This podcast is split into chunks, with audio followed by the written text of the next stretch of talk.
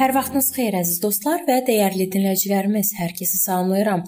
Mənim adım Sona və sizi Allahla 5 dəqiqə adlı podkastımızda xoş gördüm. Bugünkü mövzumuz əbədi həyatı bərk tut adlanır. 1-ci Timoteyə məktubu 6-cı fəsil 12-ci ayədə Paulun Timoteyə söylədiyi sözlərdən sitat gətirilir. Yazılıb: Əbədi həyatı bərk tut. Bunun üçün çağırıldın. Daha sonra İmanlılar Cəmiyyəti xidmətçisi kimi ona nəsihət verib, Paul Timoteyi zənginlərə öz sərvətlərini başqalarının xeyir-duasına verməyi tövsiyə etməyə çağırır. Yazılıb: Gələcək üçün özlərinə sağlam təməl olacaq bir xəzinə toplasınlar. Yəni həqiqi həyatı bərk tutsunlar. Bu 19-cu ayədə yazılıb. Kədərlərə tab gətirməyə hazır olmaqla, hətta çarəsizlik də olsa, hər şeyi qurban verməyə hazır olmasaq, əbədi həyata nail ola bilmərik. Qardaşlar, hesab edirəm ki, bunu tutmuşam. Yalnız bir şey edirəm. Arxada qalanları unudub qarşımda olana çatmaq üçün cəhd edirəm və hədəfə doğru qaçıram ki, mükafatı alım. Yəni Allahın Məsih İsa'da yuxarıya çağırışına nail olum. Filippilərə 3-cü fəsil 13-14-cü ayələr. Qanun və peyğəmbərlər Yəhyanın gəlişinə qədər idi. O vaxtdan bəri Allahın padşahlığının müjdəsi yayılır və hər kəs oraya zorla girməyə çalışır.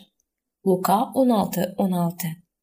Əbədi həyatı bərk tut ifadəsi arzulanan əbədi həyata çatmaq üçün edilən səyləri yaxşı təsvir edir.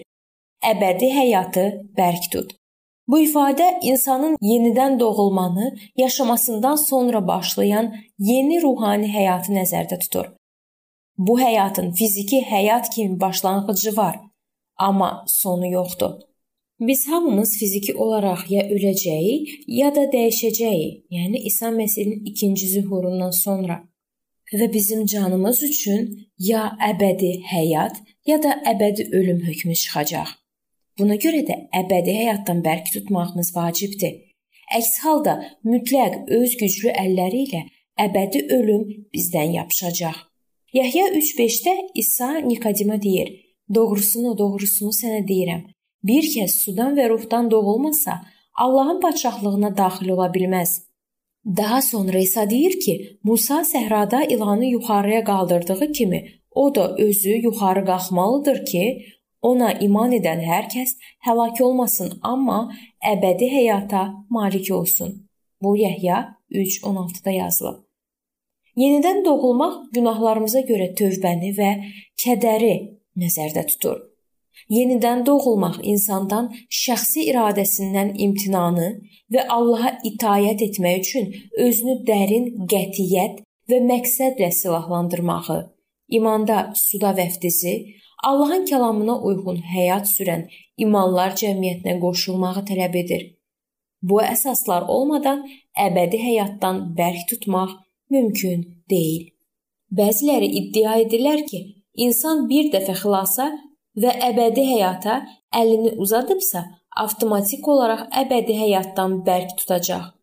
Amma adam yenidən günahda həyata qayıtsa, əbədi həyata aidiyyatı dərhal itirəcək.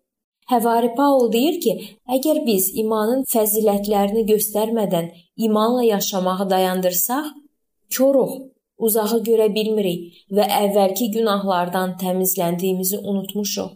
Bu 2-ci Petr 1:9-da yazılıb. Növbəti ayədə o deyir: Ey qardaşlar, çağırıldığınızı və seçildiyinizi təsdiq etmək üçün daha da səy göstərin. Çünki əgər bunu etsəz, heç vaxt büdürəməzsiniz.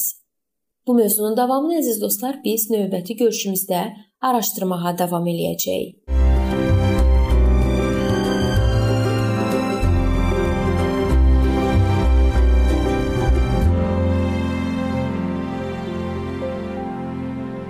Beləliklə bu yerdə bu mövzu sona çatdı.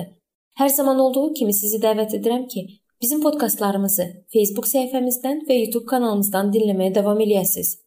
İndi isə mən sizinlə sağollaşıram və növbəti görüşlərdə görməyə ümidi ilə sağ olun, salamat qalın.